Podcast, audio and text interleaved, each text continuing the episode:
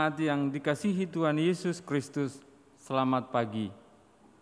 Puji syukur kita panjatkan kehadirat Tuhan yang Maha Kuasa, karena begitu besar kasih-Nya kepada kita semua, sehingga kita boleh berkumpul dan beribadah kembali di kanal YouTube Ibadah Live Streaming GKI Sarwa Indah. Bapak, Ibu, saudara-saudari yang baru pertama kali mengikuti kanal YouTube Ibadah Live Streaming GKI Sarwa Indah, kami mengucapkan selamat datang dan selamat bergabung dalam persekutuan di GKI Sarwa Indah. Pokok-pokok warta untuk hari ini adalah sebagai berikut. Satu, kebaktian umum live streaming minggu pada pagi hari ini akan dilayani oleh Bapak Anil Dawan MTH dari GKI Pamulang. Yang kedua, persidangan majelis jemaat PMJ akan diadakan pada hari ini Minggu 20 Februari 2022 waktu pukul 11 WIB tempat Zoom virtual meeting mohon perhatian jemaat. Tiga, kebaktian remaja akan diadakan pada hari ini Minggu 20 Februari 2022 waktu pukul 18 WIB dengan tema kebajikan atau Virce. Pembawa firman Ibu Endang Triani, Majelis Pendamping Penatua Tommy Indra Kesuma, tempat Zoom virtual meeting, mohon perhatian jemaat. Keempat, katekisasi kelas katekisasi akan diadakan pada hari tanggal Rabu 23 Februari 2022 waktu pukul 18 sampai dengan pukul 19.30 WIB. Materi organisasi GKI dan tata kelola jemaat akan dilayani oleh Penatua Kristian Dewantara, Majelis Pendamping Penatua Ruth M. Tangaran, tempat Zoom virtual meeting. Mohon perhatian peserta kelas katekisasi. Yang kelima, Komisi Peribadatan dan Persekutuan PA online akan diadakan pada hari Kamis 24 Februari 2022 waktu pukul 19.30 WIB dengan tema Pemeliharaan Allah. Bacaan akan diambil dari Kejadian 45 ayat 3 sampai ayatnya yang ke-15. Pembawa firman Saudara Juan Gilbert Buki, Majelis Pendamping Penatua Benyamin Ganatangke, MC Ibu Helena Siboro, tempat Zoom virtual meeting. Mohon perhatian dan partisipasi jemaat.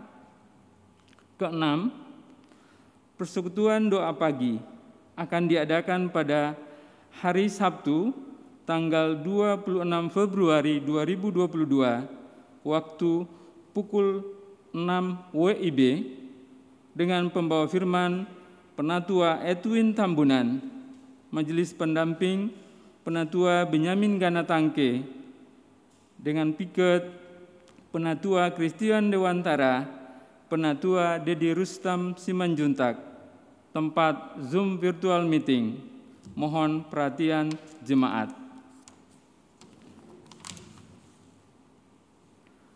Tujuh, webinar perjamuan kudus pasca GKI Sarua Indah. Untuk mendapatkan pemahaman teologis yang tepat tentang perjamuan kudus pasca, GKI Sarua Indah akan menyelenggarakan webinar terbatas pada hari Sabtu tanggal 26 Februari 2022 waktu pukul 10 sampai 12 WIB dengan narasumber Pendeta Dr. Juswantori Ikhwan, peserta Majelis Jemaat dan BPH Komisi.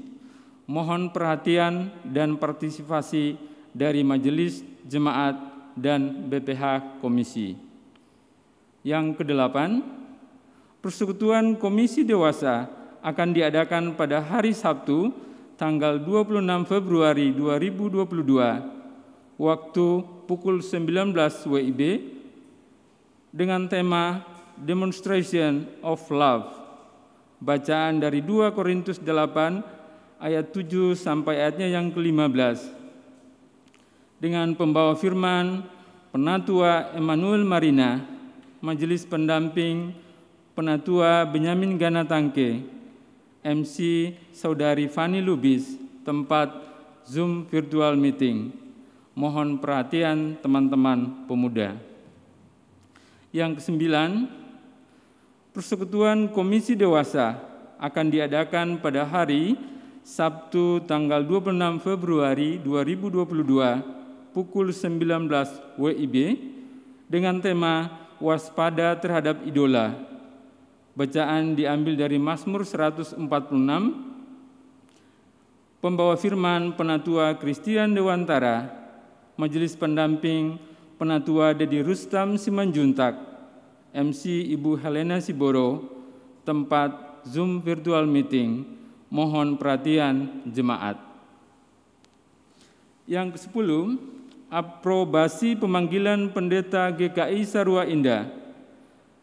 Berdasarkan rekomendasi BPMS GKI dengan surat nomor 071 BPMS GKI Sekri 2 2022 tanggal 12 Februari 2022 proses dalam jabatan pendeta sesuai tata gereja dan tata laksana GKI pasal 112 proses pemanggilan penatua Kristiwan Dewantara dapat diwartakan majelis jemaat akan mewartakan selama tiga kali berturut-turut mulai hari ini tanggal 20 Februari, 27 Februari, dan tanggal 6 Maret 2022. Nama Christian Dewantara, alamat Jalan Cendana, Kafling 1303, Bukit Nusa Indah, Ciputat. Untuk dipanggil sebagai pendeta GKI Sarua Indah. Jika tidak ada keberatan yang sah maka majelis jemaat akan meneruskan proses pemanggilan ini dalam proses selanjutnya yaitu poin 7 pasal 120, 112. Demikian pokok-pokok warta untuk hari ini. Untuk lebih lengkapnya jemaat dapat membaca di warta jemaat dalam bentuk file PDF segenap majelis jemaat mengucapkan selamat beribadah, Tuhan memberkati.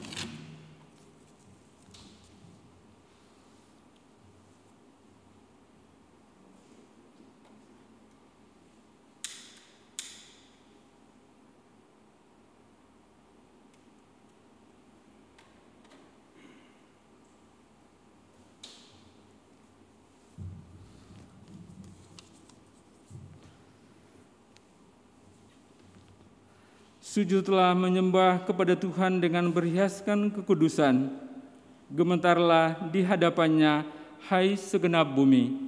Biarlah langit bersuka cita dan bumi bersorak-sorak. Biarlah gemuruh laut serta isinya. Keagungan dan semarak ada di hadapannya. Kekuatan dan kehormatan ada di tempat kudusnya. Biarlah segala yang bernapas memuji Tuhan. Mari jemaat bangkit berdiri.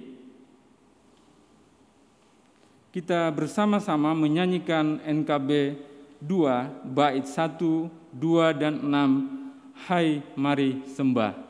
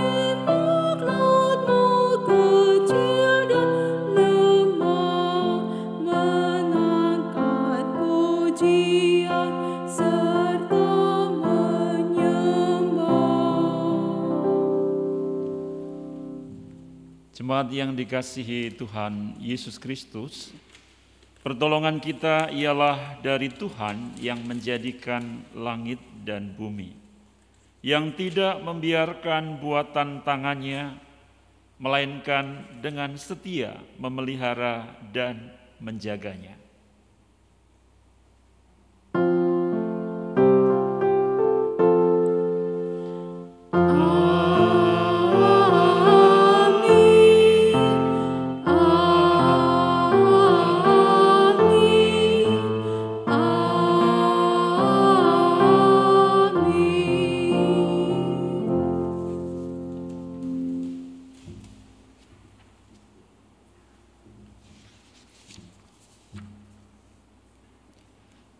Tuhan beserta saudara. Dan beserta saudara juga. Dipersilakan duduk.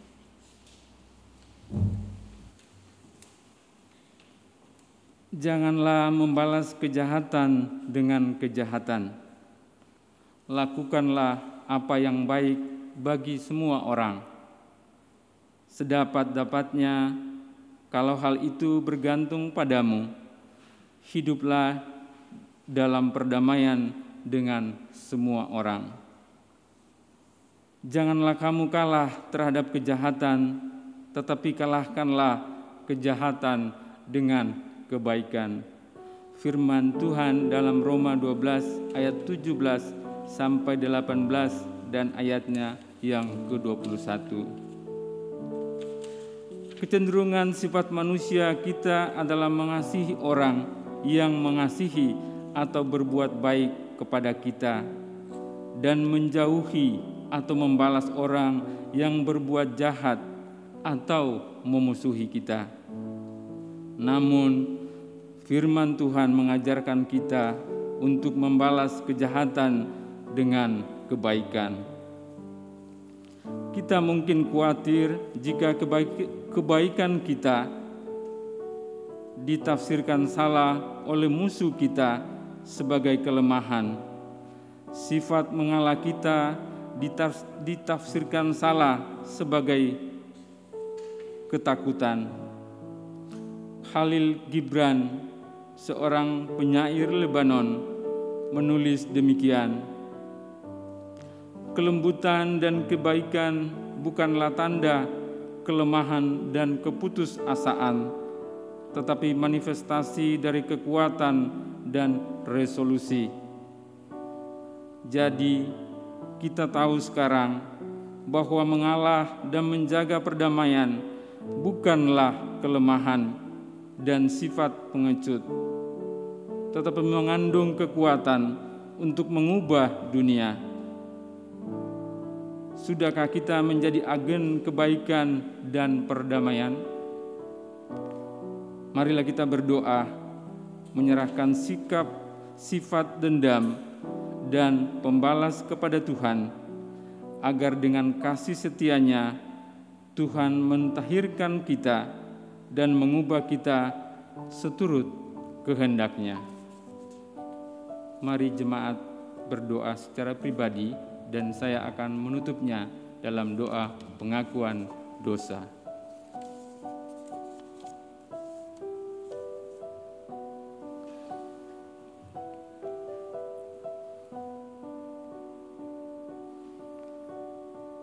Bapa kami yang bertahta di dalam kerajaan sorga, Bapa yang Maha Kasih dan Maha Pengampun, Bapa yang senantiasa hadir dalam setiap nafas hidup kami. Saat ini kami datang menghampiri hadiratmu yang kudus, mengaku dosa dan memohon pengampunanmu. Kami tidak setia ya Tuhan, kami menyimpan rasa dendam, kami menyakiti hati sesama kami, bahkan orang-orang terkasih kami. Tahirkan dan ampunilah kami ya Tuhan, menurut kasih setiamu. Mampukanlah kami untuk tetap setia dan taat hanya kepadamu saja. Dalam nama Tuhan Yesus Kristus, Juru Selamat kami yang hidup, kami berdoa dan memohon. Amin.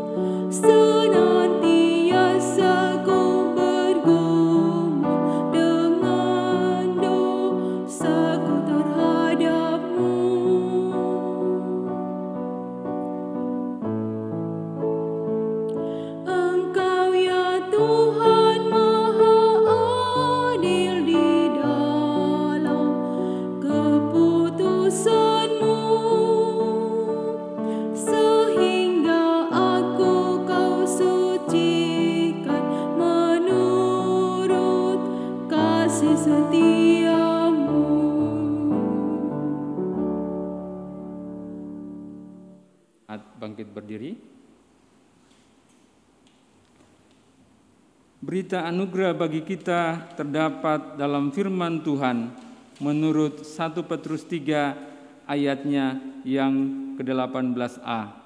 Demikian, sebab juga Kristus telah mati sekali untuk segala dosa kita, ia yang benar untuk orang-orang yang tidak benar, supaya ia membawa kita kepada Allah dan petunjuk hidup baru untuk kita semua diambil dari 1 Petrus 3 ayat 8 sampai ayatnya yang ke-9. Demikian, dan akhirnya hendaklah kamu se- semua seia sekata, seperasaan, mengasihi saudara-saudara, penyayang dan rendah hati, dan janganlah membalas kejahatan dengan kejahatan atau caci maki dengan caci maki, tetapi sebaliknya hendaklah kamu memberkati, karena untuk itulah kamu dipanggil, yaitu untuk memperoleh berkat. Demikianlah berita anugerah dan petunjuk hidup baru dari Tuhan. Syukur kepada Allah.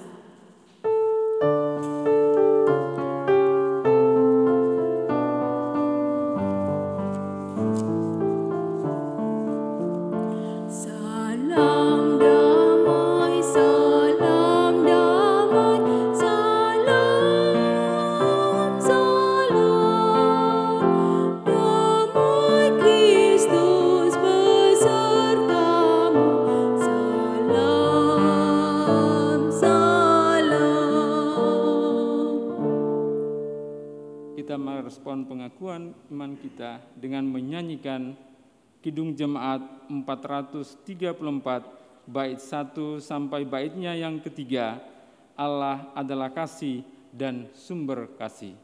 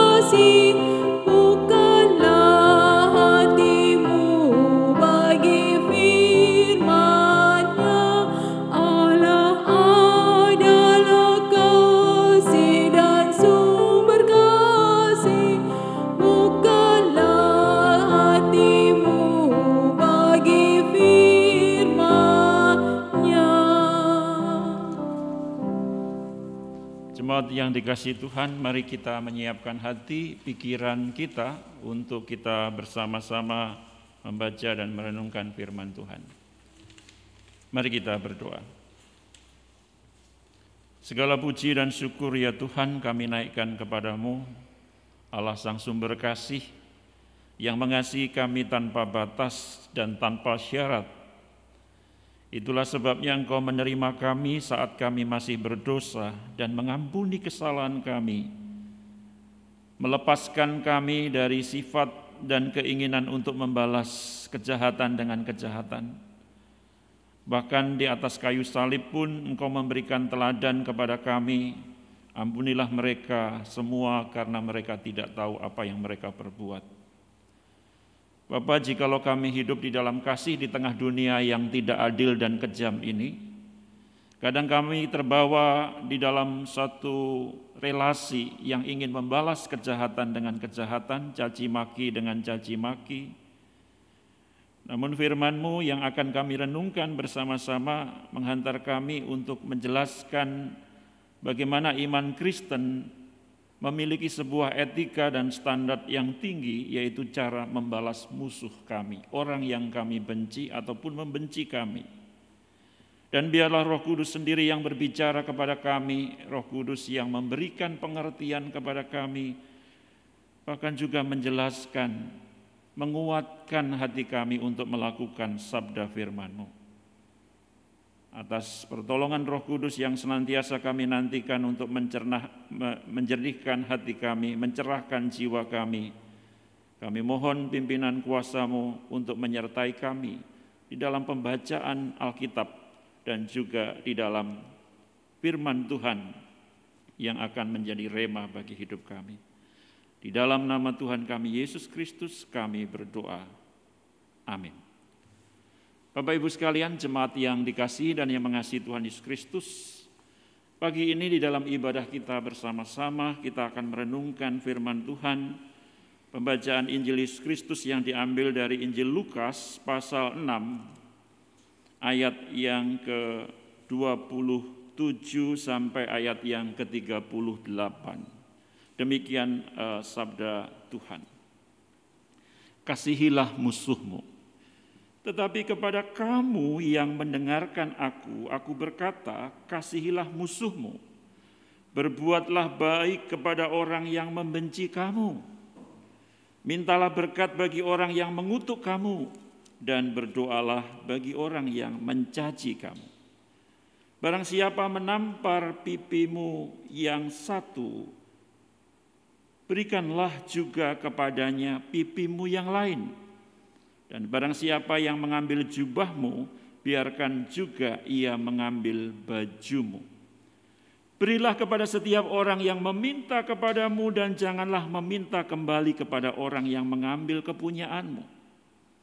Dan sebagaimana kamu kehendaki supaya orang berbuat kepadamu, berbuatlah juga demikian kepada mereka. Dan jikalau kamu mengasihi orang yang mengasihi kamu, apakah jasamu? Karena orang-orang berdosa pun mengasihi juga orang-orang yang mengasihi mereka. Sebab jikalau kamu berbuat baik kepada orang yang berbuat baik kepada kamu, apakah jasamu? Orang-orang berdosa pun berbuat demikian. Dan jikalau kamu meminjamkan sesuatu kepada orang karena kamu berharap akan menerima sesuatu daripadanya, apakah jasamu? Orang-orang berdosa pun meminjamkannya kepada orang-orang berdosa supaya mereka menerima kembali sama banyak.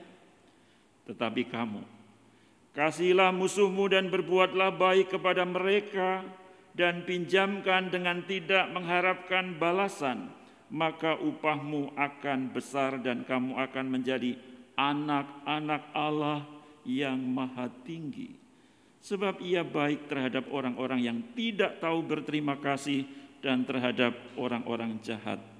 Hendaklah kamu murah hati sama seperti Bapamu adalah murah hati. Janganlah kamu menghakimi maka kamu pun tidak akan dihakimi dan janganlah kamu menghukum maka kamu pun tidak akan dihukum. Ampunilah dan kamu akan diampuni Berilah dan kamu akan diberi suatu takaran yang baik yang dipadatkan, yang digoncang, dan yang tumpah keluar akan dicurahkan ke dalam ribaanmu sebab ukuran yang kamu pakai untuk mengukur akan diukurkan kepadamu. Demikianlah pembacaan Injil Kristus. Berbahagialah kita yang mendengarkan firman Tuhan dan yang memeliharanya di dalam kehidupan kita hari lepas hari. Haleluya.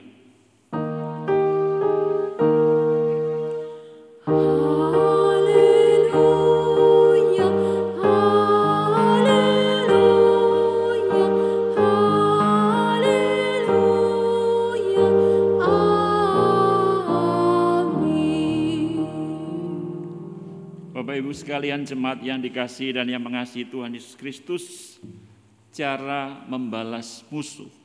Saya ingin bertanya kepada kita semua yang hadir dalam ibadah ini.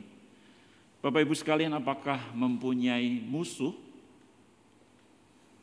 Atau paling tidak Apakah ada orang atau rekan atau sahabat di tempat pekerjaan atau di pelayanan atau saudara, sahabat, famili kita yang kita benci atau membenci kita? Saudara ada satu ungkapan yang menyatakan bahwa sejatinya seribu kawan itu terlalu sedikit. Satu musuh itu terlalu banyak. Jadi sebetulnya ungkapan ini ingin mengingatkan kita bersama-sama bahwa nilai berkawan, nilai bersahabat itu sangat penting dibandingkan kalau kita bermusuhan dengan orang-orang di sekitar kita. Saya ingat orang tua saya selalu memberikan nasihat kepada saya mengatakan dalam bahasa Jawa, urip iku golek bolo, ojo golek musuh. Mungkin saya terjemahkan bahwa hidup itu mencari sahabat. Hidup itu mencari saudara dan jangan mencari musuh. Sebab musuh nggak usah dicari. Biasanya musuh itu datang sendiri. Bapak Ibu sekalian yang dikasih Tuhan inilah yang secara ideal bahwa kita dipanggil untuk membangun sebuah persaudaraan dan persahabatan kepada semua orang tanpa terkecuali, tidak memandang latar belakang mereka, entahkah dari suku, agama, etnis, ras, golongan, dan semuanya. Dan ketika kita membangun persaudaraan, persahabatan dengan semua orang itu, akan tetapi faktanya, kenyataannya, Kerap kali kita bersinggungan bahkan bergesekan dengan orang-orang di sekitar kita. Ya sudah nggak usah jauh-jauh. Kadang kita bergesekan dengan rekan sesama pelayanan kita. Kadang kita bergesekan dengan orang-orang yang satu unit pekerjaan dengan kita. Bahkan tak jarang suami istri yang disatukan dalam ikatan pernikahan pun kadang cekcok dan bermusuhan. Bahkan kalau kita lihat ada saja bukan hanya permusuhan yang sifatnya perang dingin, tapi juga ada yang berlanjut sampai dendam kesumat, nggak ada habis-habisnya. Saudaraku, Bapak Ibu sekalian jemaat yang dikasih dan yang mengasihi Tuhan. Jika kita ditanya secara jujur, sebetulnya tidak ada seorang pun di dunia ini yang senang dan tenang kalau hidup kita mempunyai musuh, bukan? Saya juga nggak mau punya musuh. Bapak Ibu sekalian juga pasti nggak mau punya musuh di dalam hidup ini. Sebab musuh adalah lawan yang mengajak kita untuk berkelahi, bukan berdamai. Musuh adalah orang yang selalu menantang kita untuk bertengkar, bukan untuk bersabar. Bahkan musuh itu tidak segan mengajak kita untuk bertanding, bukan bersanding. Bahkan musuh adalah orang yang terus memicu perseteruan, terus memicu perbantahan, bukan persekutuan atau persaudaraan. Makanya saking komplikasinya permusuhan itu ada berbagai macam istilah model permusuhan. Ada istilah musuh bebuyutan. musuh bebuyutan yaitu musuh lama musuh yang turun-temurun sampai buyut-buyutnya ikut bermusuhan. Makanya disebut musuh bebuyutan. Ada juga yang disebut dengan musuh dalam selimut, yaitu musuh yang muncul justru bukan dari orang yang dari luar, tetapi dari pihak internal yang datang dari dalam. Orang yang terpercaya, orang yang kita begitu dekat, tetapi ternyata dia menusuk dari belakang, itulah musuh dalam selimut orang dari internal atau kalangan di dalam. Oleh karena itu Bapak Ibu sekalian lazimnya sebagai manusia, sebagai makhluk sosial kita hidup di dalam sebuah relasi yang bersifat kesalingan yang positif yaitu saling memberi, saling berdampak untuk memperkuat relasi itu supaya kuat dan kokoh. Tapi kenyataannya saudara-saudara, manusia itu adalah makhluk pendendam. Jikalau kita diperlakukan baik ketika kita dihargai, ketika kita dicintai, maka sisi kemanusiaan kita itu juga ingin mengekspresikan, membalas kebaikan dengan cara yang sama ketika kita diperlakukan. Tapi ketika kita dihina, kita diejek, kita dicaci, kemanusiaan kita dengan hawa nafsunya itu kadang timbullah amarah dan kita ingin membalas lebih kejam daripada orang memperlakukan kepada kita. Kita tidak menginginkan air susu dibalas air tuba, kebaikan dibalas dengan kejahatan. Karena itu saudara-saudara ketika saya mengamati beberapa agama-agama di Indonesia, nampaknya juga memiliki kaidah emas yang hampir mirip dengan kekristenan. Misalkan saudara-saudara kita yang muslim mempercayai bahwa tidak ada seorang pun di antara kalian dikatakan beriman hingga dia mencintai sesuatu bagi saudaranya sebagaimana dia mencintai sesuatu bagi dirinya. Ini dikatakan oleh Imam Al-Bukhari. Sementara rekan-rekan kita yang Buddha juga mempercayai bahwa jangan sakiti orang sebagaimana ia akan menyakiti dirimu. Di dalam Buddha Udana Varga 5:18. Dan kalau kita lihat di dalam Konfusius juga disebutkan di sana apa yang kita tidak ingin orang lain lakukan kepada kita. Jangan lakukan itu kepada orang lain. Bukankah Tuhan Yesus juga mengatakan di dalam Lukas 6 ayat 31, iman Kristen, Tuhan Yesus mengajarkan, dan sebagaimana kamu kehendaki supaya orang perbuat kepadamu, perbuatlah juga demikian kepada mereka. Saudara kaidah ini menjadi bingkai atau framework kita untuk kita memiliki cara untuk membalas orang-orang yang menjadi musuh atau paling tidak orang yang membenci atau kita benci. Mari Bapak Ibu sekalian jemaat GKI Sarua yang saya kasih di dalam Tuhan Yesus Kristus, kita memperhatikan kembali di dalam firman Tuhan. Bahwa ternyata di dalam firman Tuhan kita akan bisa belajar tentang tiga cara kita bagaimana kita membalas musuh, yaitu orang yang kita benci, orang yang membenci kita, tetapi bukan menurut ajaran dunia, tetapi menurut ajaran Kristus. Di dalam firman Tuhan yang pertama Bapak Ibu sekalian, tadi dikatakan di dalam ayat 27. Tetapi kepada kamu yang mendengarkan aku, aku berkata, kasihilah musuhmu, berbuatlah baik kepada orang yang membenci kamu. Mintalah berkat bagi orang yang mengutuk kamu, berdoalah bagi orang yang mencaci kamu. Saudara, coba ayat ini dibaca pelan-pelan ya. Maka kita akan mendapatkan sesuatu dan di dalam diri kita ada gerakan untuk berontak dan melawan. Itu tandanya bahwa firman Tuhan ini jelas berbicara kepada kita. Bagaimana kita diminta untuk mengasihi musuh. Saudara, bagaimana ya ini ya? Kita diminta kasihilah musuhmu. Ini jelas tanpa tedeng aling-aling di sini. Tidak ada sesuatu yang ditutupi, terang benderang di sini. Kasihlah musuhmu itu berarti nyatakanlah kasihmu kepada musuhmu. Menarik di dalam firman Tuhan ini, kata musuh itu ditulis dengan kata ektros yang artinya orang yang kita benci atau membenci kita. Saya mau tanya Bapak Ibu sekalian, jemaat, Coba dijawab dalam hati masing-masing. Apakah mudah atau sulit mengasihi orang yang kita benci atau membenci kita?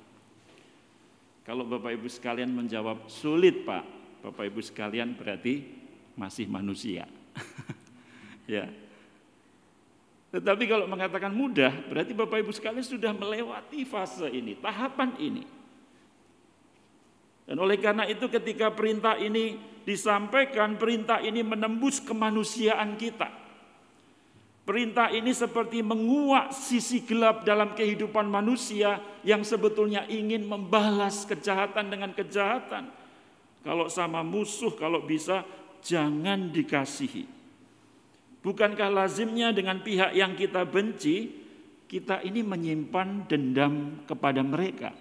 Makanya kalau kita nggak bisa balas orang yang kita benci atau membenci kita, maka kalau mereka sedang mengalami masalah, mengalami kecelakaan, kita mengatakan apa?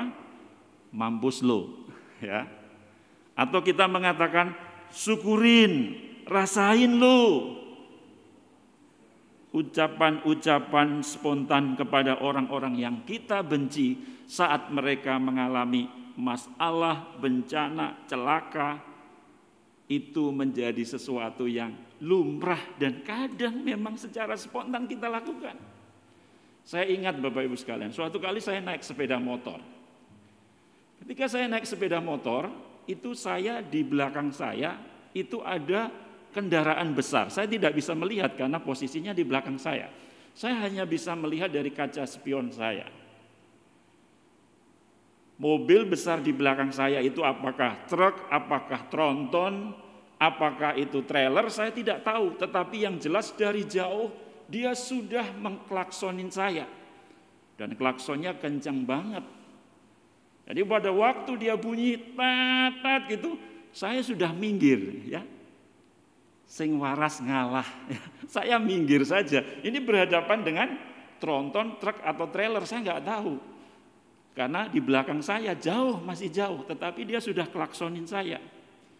Dan ketika sudah makin dekat, dia makin klaksonin saya lagi. Saya minggir lagi. Karena Bapak Ibu sekalian tahu ya, kalau di eh, sekitar kita jalan itu tidak terlalu besar, saya minggir sampai saya turun, bukan di aspal tapi di tanah. Ya, saya sudah minggir itu. Dan dia tetap klakson saya. Dan akhirnya saya minggir dan saya berhenti. Udah, saya berhenti, sing waras ngalah ini.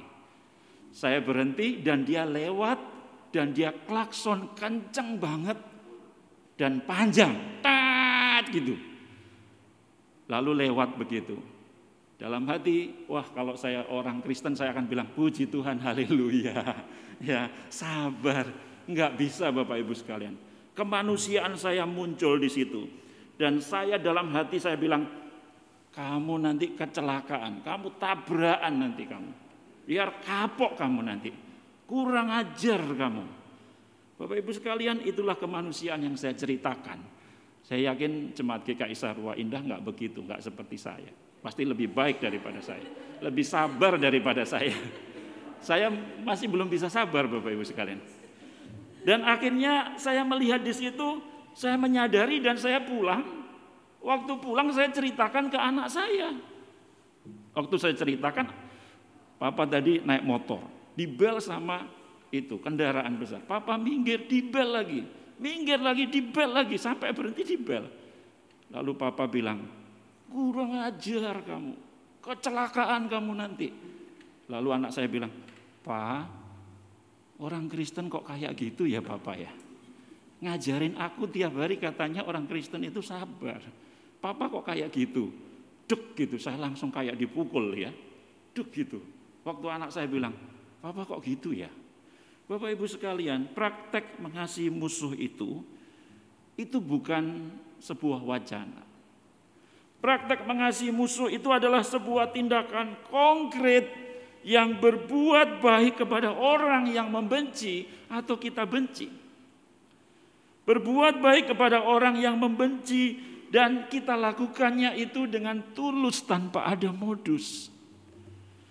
Ucapkan berkat dengan pujian kepada orang yang mengutuk kita.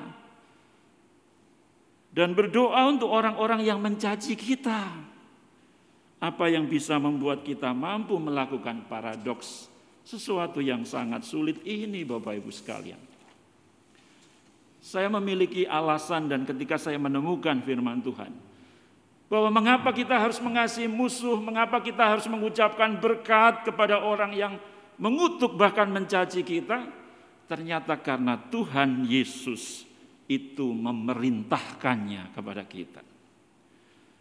Tuhan Yesus bukan hanya memerintahkannya dan mengajarkannya dengan ajarannya, tetapi Tuhan Yesus juga meneladankannya. Dia menjadi role model kita, memberikan contoh kepada kita. Bahkan ketika di ujung kematiannya di atas kayu salib, Yesus mengatakan, "Ya Bapa, ampunilah mereka, sebab mereka tidak tahu apa yang mereka berbuat." Di ujung kematian ada pengampunan kepada orang-orang yang menyalibkan. Bukankah itu sebuah pelajaran dan pengajaran yang sangat luar biasa? Yesus menunjukkan bahwa mengasihi musuh dan menyatakan kasih itu adalah dalam tindakan, bukan hanya dalam ucapan dan perkataan. Memberkati dan mendoakan orang yang membenci kita memang tidak mudah. Tetapi yang tidak mudah itu bukan berarti tidak bisa dan tidak mungkin untuk kita kerjakan. Saya mengajak jemaat GKI Sarua dan kita semua ketika mendengar pengajaran ini kita mencoba untuk masuk lebih dalam di dalam ajaran Yesus dan teladan hidupnya itu dan menempatkan ketidakmampuan dan keterbatasan kita itu di dalam kasihnya. Menempatkan sakit hati dan luka menganga itu disembuhkan dan dipulihkannya sehingga kita pun dapat mengatakan ya Bapa ampunilah mereka sebab mereka tidak tahu apa yang mereka perbuat. Di dalam Roma 12 ayat 17 ditegaskan janganlah membalas kejahatan dengan kejahatan. Lakukanlah apa yang baik kepada semua orang. Bapak Ibu sekalian ada alasan kenapa kita tidak boleh membalas kejahatan dengan kejahatan. Membalas kejahatan dengan kejahatan akan menciptakan lingkaran kejahatan dan akan membuat kita masuk dalam kejahatan yang baru. Dan itu tidak tuntas dan tidak lunas. Akhirnya berkepanjangan dan akan menimbulkan persoalan yang lebih complicated. Yang kedua Bapak Ibu sekalian, di dalam firman Tuhan ini tadi dikatakan, barang siapa menampar pipimu yang satu, berikanlah juga kepada pipimu yang lain. Dan barang siapa mengambil jubahmu, biarkan juga ia mengambil bajumu. Waktu kami diskusi dengan teman-teman dari berbagai suku, itu beda-beda. Kalau orang Jawa diinjak kakinya, dia bilang, iki kaki Ya, ini kaki saya masih kepake loh gitu ya. Sambil meringis-meringis.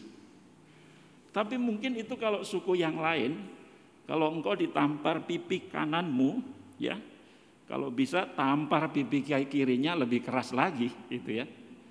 Pembalasan harus lebih kejam.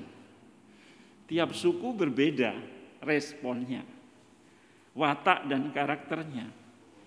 Tetapi firman Tuhan ini sebetulnya berlaku untuk semua kita yang mengaku sebagai orang percaya.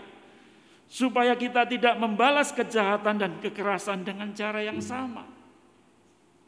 Melainkan kita memberi dengan segala kemurahan hati kita. Bapak Ibu sekalian jemaat yang dikasih Tuhan, Tuhan Yesus mengajarkan prinsip tidak membalas kejahatan dan kejahatan. Tuhan Yesus juga mengajarkan tidak membalas kekerasan dengan kekerasan. Tuhan Yesus mengajak setiap kita untuk hidup di dalam perdamaian. Dalam perjanjian lama, kalau kita baca, coba kita telusuri kehidupan seorang bernama Yusuf. Kita perhatikan bahwa Yusuf di dalam kejadian pasal 45 ayat 3 sampai 15 kita melihat bahwa bagaimana Yusuf itu bersama saudara-saudaranya mengalami berbagai macam dinamika relasi. Saya tiga bersaudara. Saya anak nomor dua, anak tengah. Ada kakak saya perempuan, ada adik saya laki-laki. Kami pernah bertengkar rebutan radio, ya, zaman dulu. Karena itu loh, ada siaran radio apa itu dulu, sahur sepuh itu loh. Ya, Brahma Kumbara itu. Ya. Kakak saya megang radio, ya. Adik saya pengen dengar juga. Mungkin mau pilih channel radio lain ya. Siaran lain ya. Lalu mereka rebutan radio. Radionya pecah hancur. Berantakan. Bapak saya datang dipikir saya terlibat, padahal saya mau menengahin karena saya anak nomor dua kan, jadi mediator. Tapi bapak saya juga mungkin lagi emosi, ya, hari itu mungkin kerja capek, anaknya ribut, ya sudah dipukul semua biar rata. Kakak saya dipukul, adik saya dipukul, saya ikut dipukul. Saya protes, Pak saya kok ikut dipukul ngapain? Yes, pokoknya biar rata semua dipukul. Itu membekas di dalam diri saya sampai sekarang. Tapi bapak saya menjadi orang yang terbaik sekarang. Bapak Ibu sekalian, Tuhan Yesus dalam pengalaman ketika dia mengatakan perdamaian, saya ingat kehidupan Yusuf. Yusuf juga begitu. Di dalam kehidupan keluarga Yusuf itu dipenuhi dengan intrik persaingan perlakuan buruk satu dengan yang lain. Bapak Ibu sekalian, yang punya saudara lebih dari satu bukan anak tunggal, mungkin juga mengalami. Ya, ketika Yusuf diperlakukan secara buruk, ketika dia hidup susah, ketika dia terasing di negeri seberang, namun pada akhirnya Yusuf melihat bahwa semua pengalaman buruk itu diubah Tuhan kepada muara kehidupan yang baik. Yusuf memegang posisi jabatan yang tinggi di Mesir. Dari sudut pandang Yusuf itu, kalau dia mau ketika saudara-saudaranya datang dalam masa kelaparan itu, datang kepada Yusuf untuk minta pertolongan itu, maka Yusuf yang diperlakukan tidak adil oleh saudara-saudaranya itu, Yusuf bisa menggunakan jabatan dan kekuasaannya untuk membalas dendam kepada saudara-saudaranya. Luka hati masa lalu Yusuf itu bisa saja menjadi dasar, wah dulu saya diperlakukan begini, sekarang ini kesempatan untuk membalas sakit hati saya. Bapak Ibu sekalian, namun Yusuf tidak melakukannya. Dia menghentikan dendam kesumat itu dengan pengampunan dan membawa berkat. Dia pulih dari luka hati dan bertindak dengan kemurahan hati untuk mengampuni. Bagi Yusuf, pengalaman kehidupan masa lalu itu adalah cara untuk berefleksi dan menarik pembelajaran yang berharga bahwa rekonsiliasi harus terjadi di dalam hidup keluarganya. Dia mengampuni, dia memberikan segala sesuatu yang diperlukan dan pengampunan itu dikerjakan dengan segenap hati. Bapak Ibu sekalian pertanyaan saya, adakah di antara Bapak Ibu sekalian yang mungkin masih menyimpan luka, sakit hati kepada orang-orang di sekitar kita? Sebab ketika kita tidak menyelesaikan luka dan sakit hati itu, paling tidak sikap dan respon kita ketika bertemu orang itu, mungkin kita akan melihat bukan lihat malaikat, tapi lihat setan di dalam kehidupannya. Lihat orangnya kita langsung menghindar, ya, kayak ketemu setan gitu ya. Ih, ada orang itu, ih, langsung menghindar gitu ya. Takut banget lihat orangnya. Atau dari jauh lihat saja, oh sudah lebih baik saya menghindari saja. Ini musuh saya atau orang yang saya benci. Saudaraku, kita melihat sebuah contoh nyata ketika Paus Yohanes ya yang pernah suatu kali ketika dia sedang uh, ada di dalam suatu perjalanan ada seorang yang bernama Mehmet Ali Aksa ya tulisannya Akca tetapi dibaca Aksa karena dia adalah orang Turki ketika dia paus ini ditembak dan yang menarik adalah ketika si Aksra ini menembakkan empat peluru dari senjata semi otomatisnya dan dia tertangkap dan dia diadili selama 19 tahun Bapak Ibu sekalian. Tetapi yang menarik adalah bahwa Paus mengunjungi dia. Paus datang dan memeluk dia. Dan dia mengatakan, aku memaafkanmu sahabat aku mengampunimu, sahabat. Saudaraku, laki-laki yang berumur 63 tahun itu memeluk seorang laki-laki umur 25 tahun yang mencoba membunuhnya dengan perkataan, "Aku mengampunimu, sahabat." Saudara, Itu sesuatu yang luar biasa. Mempraktekkan tidak membalas kejahatan dengan kejahatan, kekerasan dengan kekerasan, tetapi dengan pengampunan dan rekonsiliasi. Akan mengubah kehidupan orang dan mempertobatkannya kembali kepada Tuhan. Yang terakhir Bapak Ibu sekalian, kita dipanggil untuk mempraktekkan standar hidup Kristen dan mengekspresikan buah roh yaitu kemurahan hati. Di dalam Lukas pasal 6 ayat 36 dikatakan kata murah hati ini yaitu sikap atau sifat yang penuh dengan belas kasih.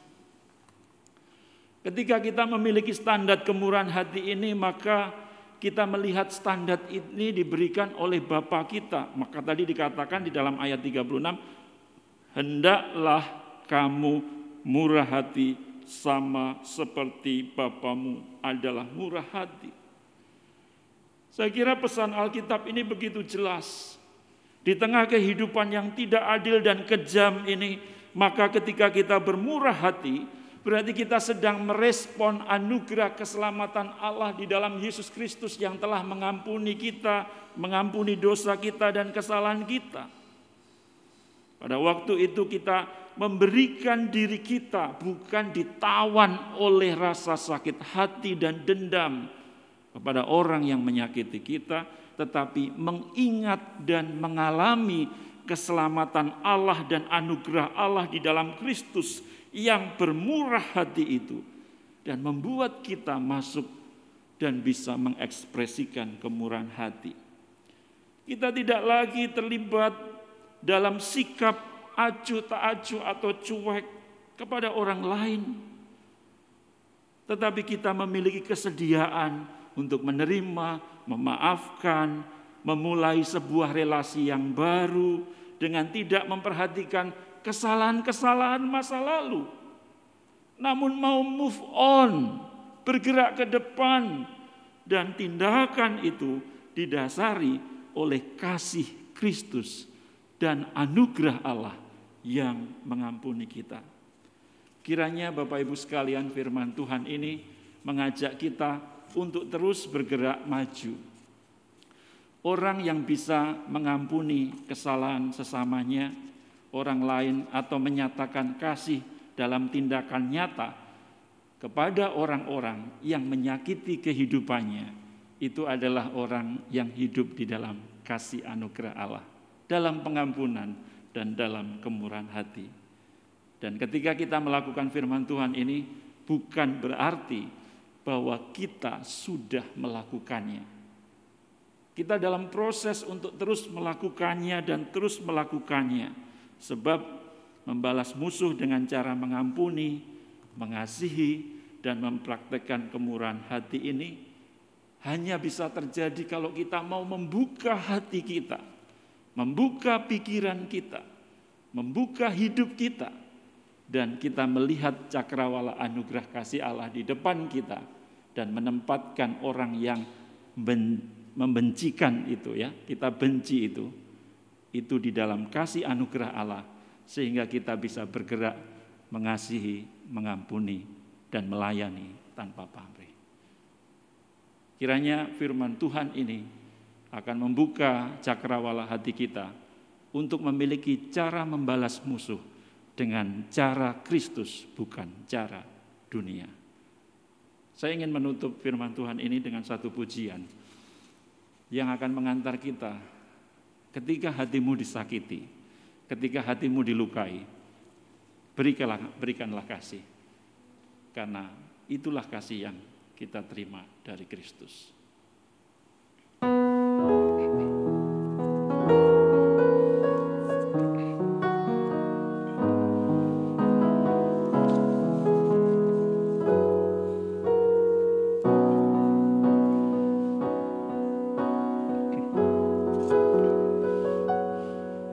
Ketika hatiku telah disakiti Ajarku hati mengampuni ketika hidupku telah dihakimi. Ajarku memberi hati mengampuni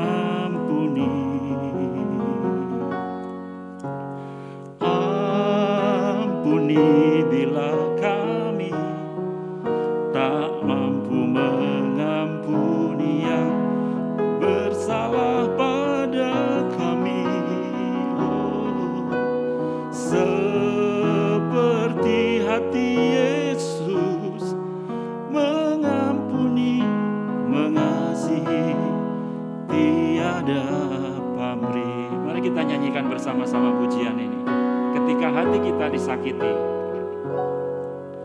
ketika hatiku telah disakiti,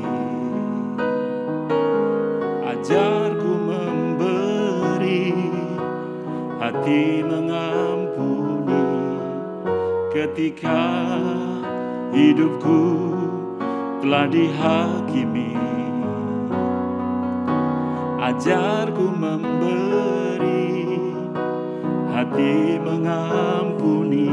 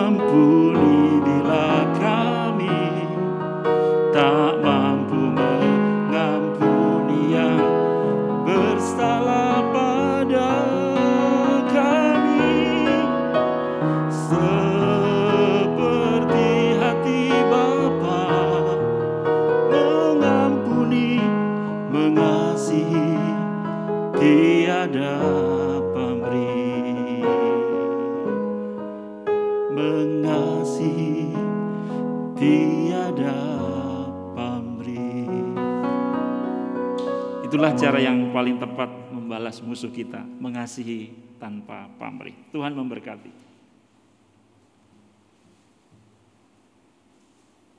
Saya mengundang umat untuk bangkit berdiri. Marilah kita bersama dengan umat Allah di masa lalu, masa kini, dan masa depan, mengingat pengakuan pada baptisan kita menurut pengakuan iman rasuli. Aku percaya kepada Allah, Bapa yang Maha Kuasa, Halik langit dan bumi, dan kepada Yesus Kristus, anaknya yang tunggal Tuhan kita, yang dikandung daripada roh kudus, lahir dari anak darah Maria, yang menderita sengsara di bawah pemerintahan Pontius Pilatus, disalibkan, mati dan dikuburkan, turun ke dalam kerajaan maut. Pada hari yang ketiga, bangkit pula dari antara orang mati, naik ke sorga, duduk di sebelah kanan Allah, Bapa yang Maha Kuasa, dan dari sana ia akan datang untuk menghakimi orang yang hidup dan yang mati. Aku percaya kepada Roh Kudus, gereja yang kudus dan am, persekutuan orang kudus, pengampunan dosa, kebangkitan orang mati, dan hidup yang kekal. Saya persilahkan jemaat duduk. Mari kita merendahkan hati kita, kita menaikkan doa syafaat. Bapa di dalam sorga, kami bersyukur ya Bapa untuk kesempatan bagi kami beribadah di pagi hari ini. Rasa syukur kami juga terus meluap ya Bapa atas kesempatan yang Tuhan telah berikan bagi kami mendapatkan izin pemanfaatan lahan untuk sebidang tanah di Nusa Loka. Bapa saat ini kami sedang mengurus perizinan untuk persetujuan bangunan gedung supaya di lahan di Nusa Loka ini kami dapat mendirikan sebuah tempat ibadah, rumah ibadah bersama-sama jemaat Sarwa Indah dan jemaat GKI Serpong.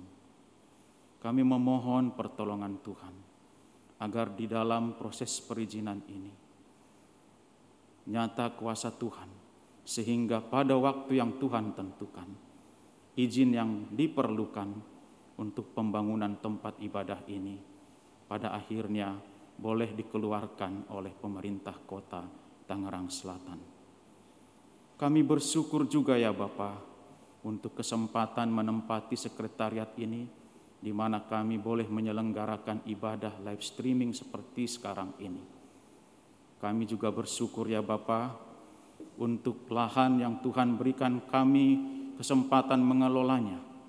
Biarlah ya Bapak dengan pertolongan Tuhan, jemaat Tuhan dapat mengelolanya dengan baik untuk kemuliaan Tuhan. Kami juga bersyukur ya Bapak apabila di hari-hari lampau kami boleh beribadah menempati sekolah Nusa Indah. Kami tidak melupakan berkat Tuhan melalui lembaga ini.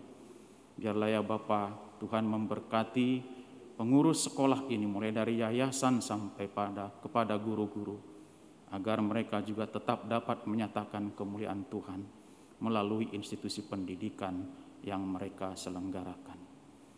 Bapa di dalam sorga, kiranya Engkau mendengarkan syukur maupun permohonan kami ini.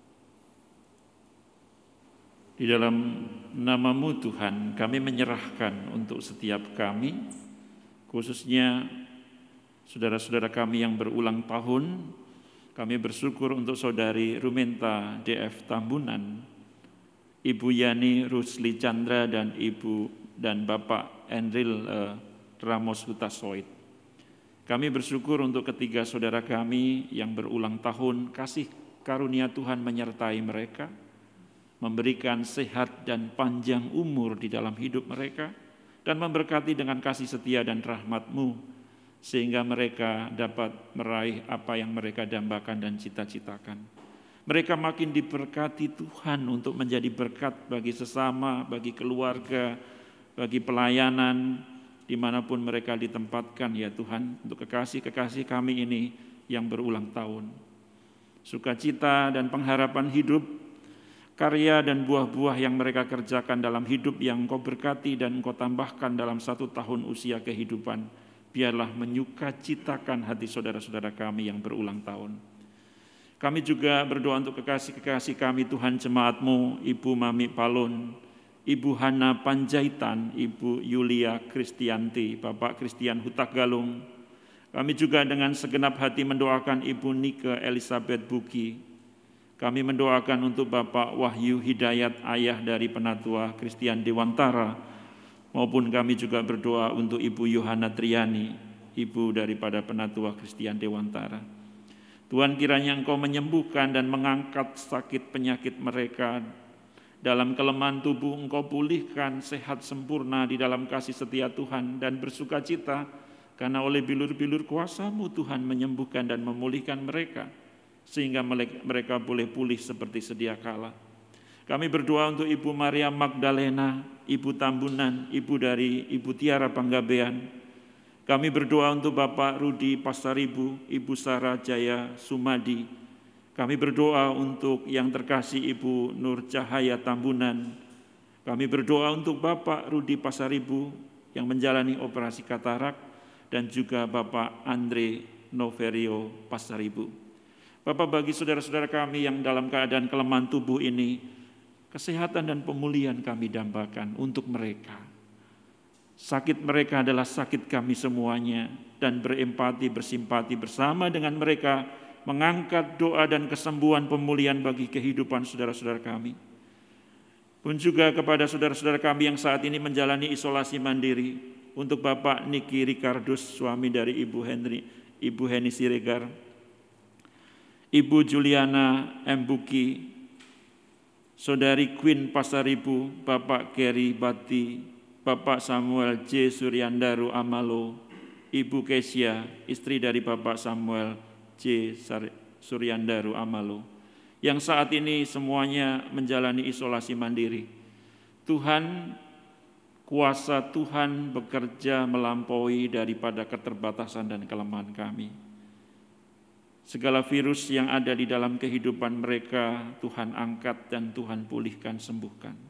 Imunitas yang tumbuh dari hati yang bersuka cita dan pengharapan di dalam Kristus, akan membuat mereka aman. Dan kami mengaminkan itu. Maka untuk saudara-saudara kami yang isoman, biarlah imun, aman, dan amin yang kami yakini akan memulihkan mereka di dalam nama Tuhan kami, Yesus Kristus.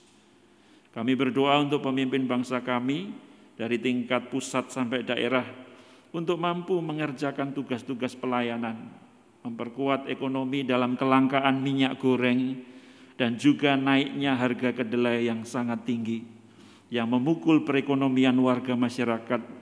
Tuhan kami berdoa supaya para pemangku kepentingan negara dan bangsa kami dapat menata kehidupan dan mengelola tata pemerintahan ini dengan baik. Jauhkan dari segala korupsi, nepotisme, dan kolosi. Dan biarlah semuanya diberikan untuk kesejahteraan rakyat dan menyejahterakan kehidupan warga bangsa Indonesia ini. Kami juga berdoa untuk seluruh jemaat GKI Sarua bersama majelis jemaat, para badan pelayanan, panitia dan semuanya. Tuhan kami berdoa supaya Engkau melimpahkan kasih setia dan rahmat-Mu dalam perjuangan kehidupan kami masing-masing, dalam pergumulan kami masing-masing. Dalam kuasa-Mu Tuhan bekerja, memampukan kami untuk menjadi pelayan Tuhan dan jemaat Tuhan yang baik, yang dapat membalas kejahatan bukan dengan kejahatan, tetapi menyatakan kasih Kristus kepada setiap orang yang kami benci ataupun membenci kami. Karena untuk itulah kami dipanggil, yaitu menjadi berkat bagi semua orang. Seluruh doa syafaat kami ini kami naikkan hanya di dalam nama Tuhan kami Yesus Kristus yang mengajar kami berdoa. Bapa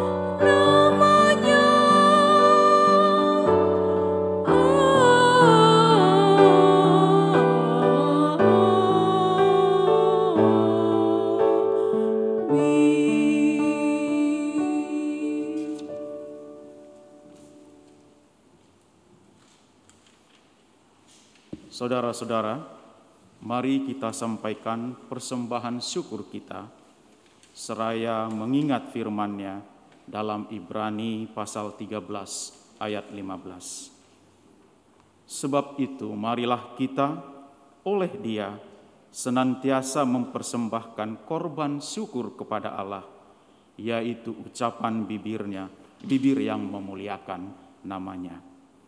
Kita akan menyampaikan persembahan kita dengan penuh sukacita dengan menyanyikan Kidung Jemaat nomor 289 bait 1, 3, 8 dan 9. Tuhan pencipta semesta.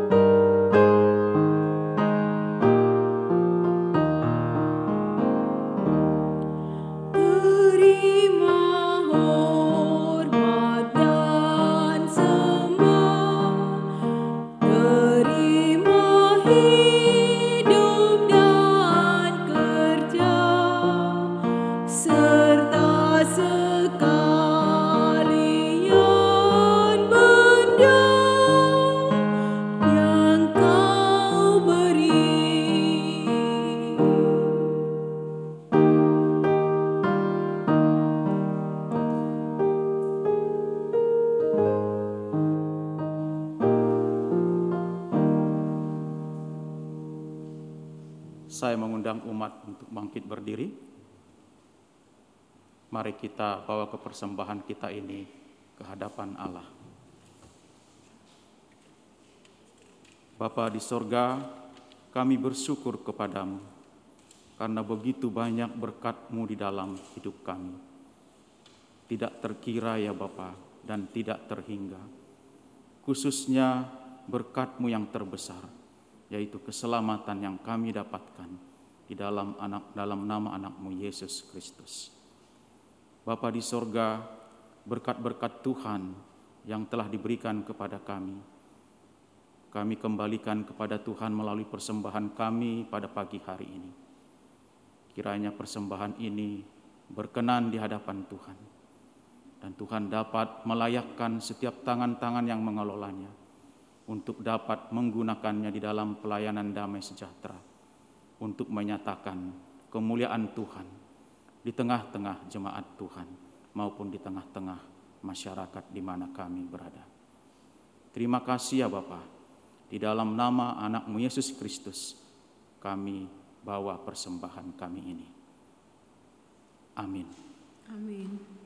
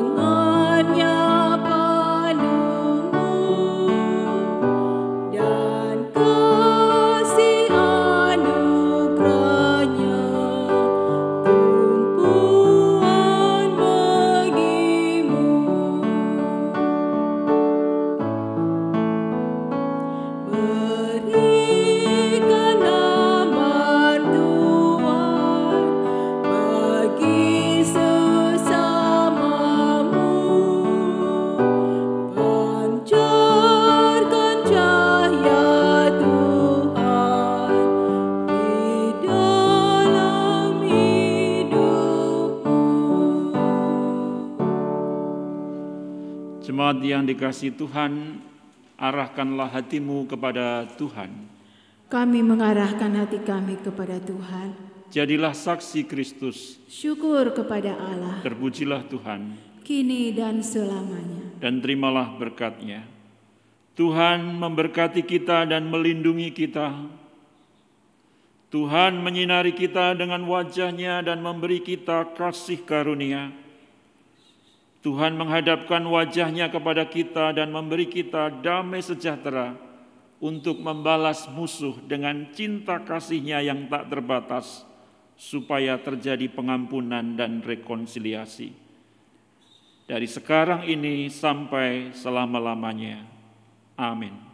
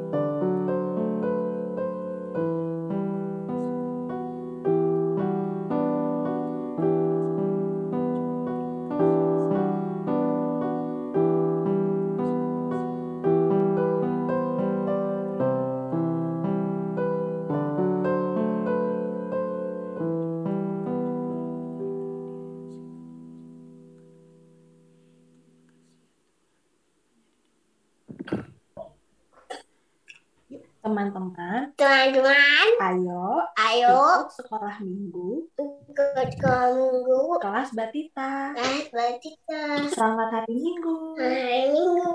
Selamat hari Minggu. Selamat hari minggu. Hari minggu. Selamat hari Minggu. Selamat pagi, saudara-saudara terkasih. Jangan lupa untuk bergabung di dalam PA Kamis setiap hari Kamis jam 19.30. Ayo ikut aja sampai lupa. Tuhan memberkati.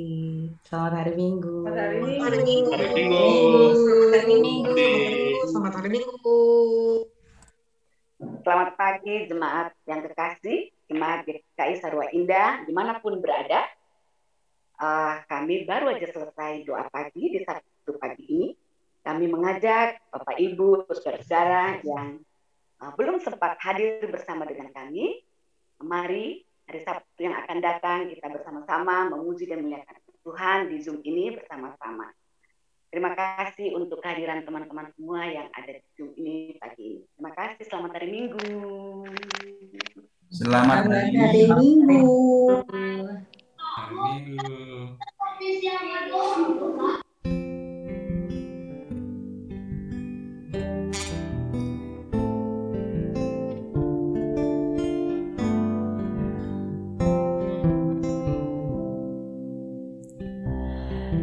Kasih setiamu yang ku rasakan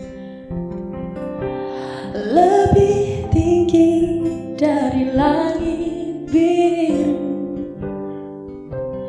Kebaikanmu yang telah kau nyatakan.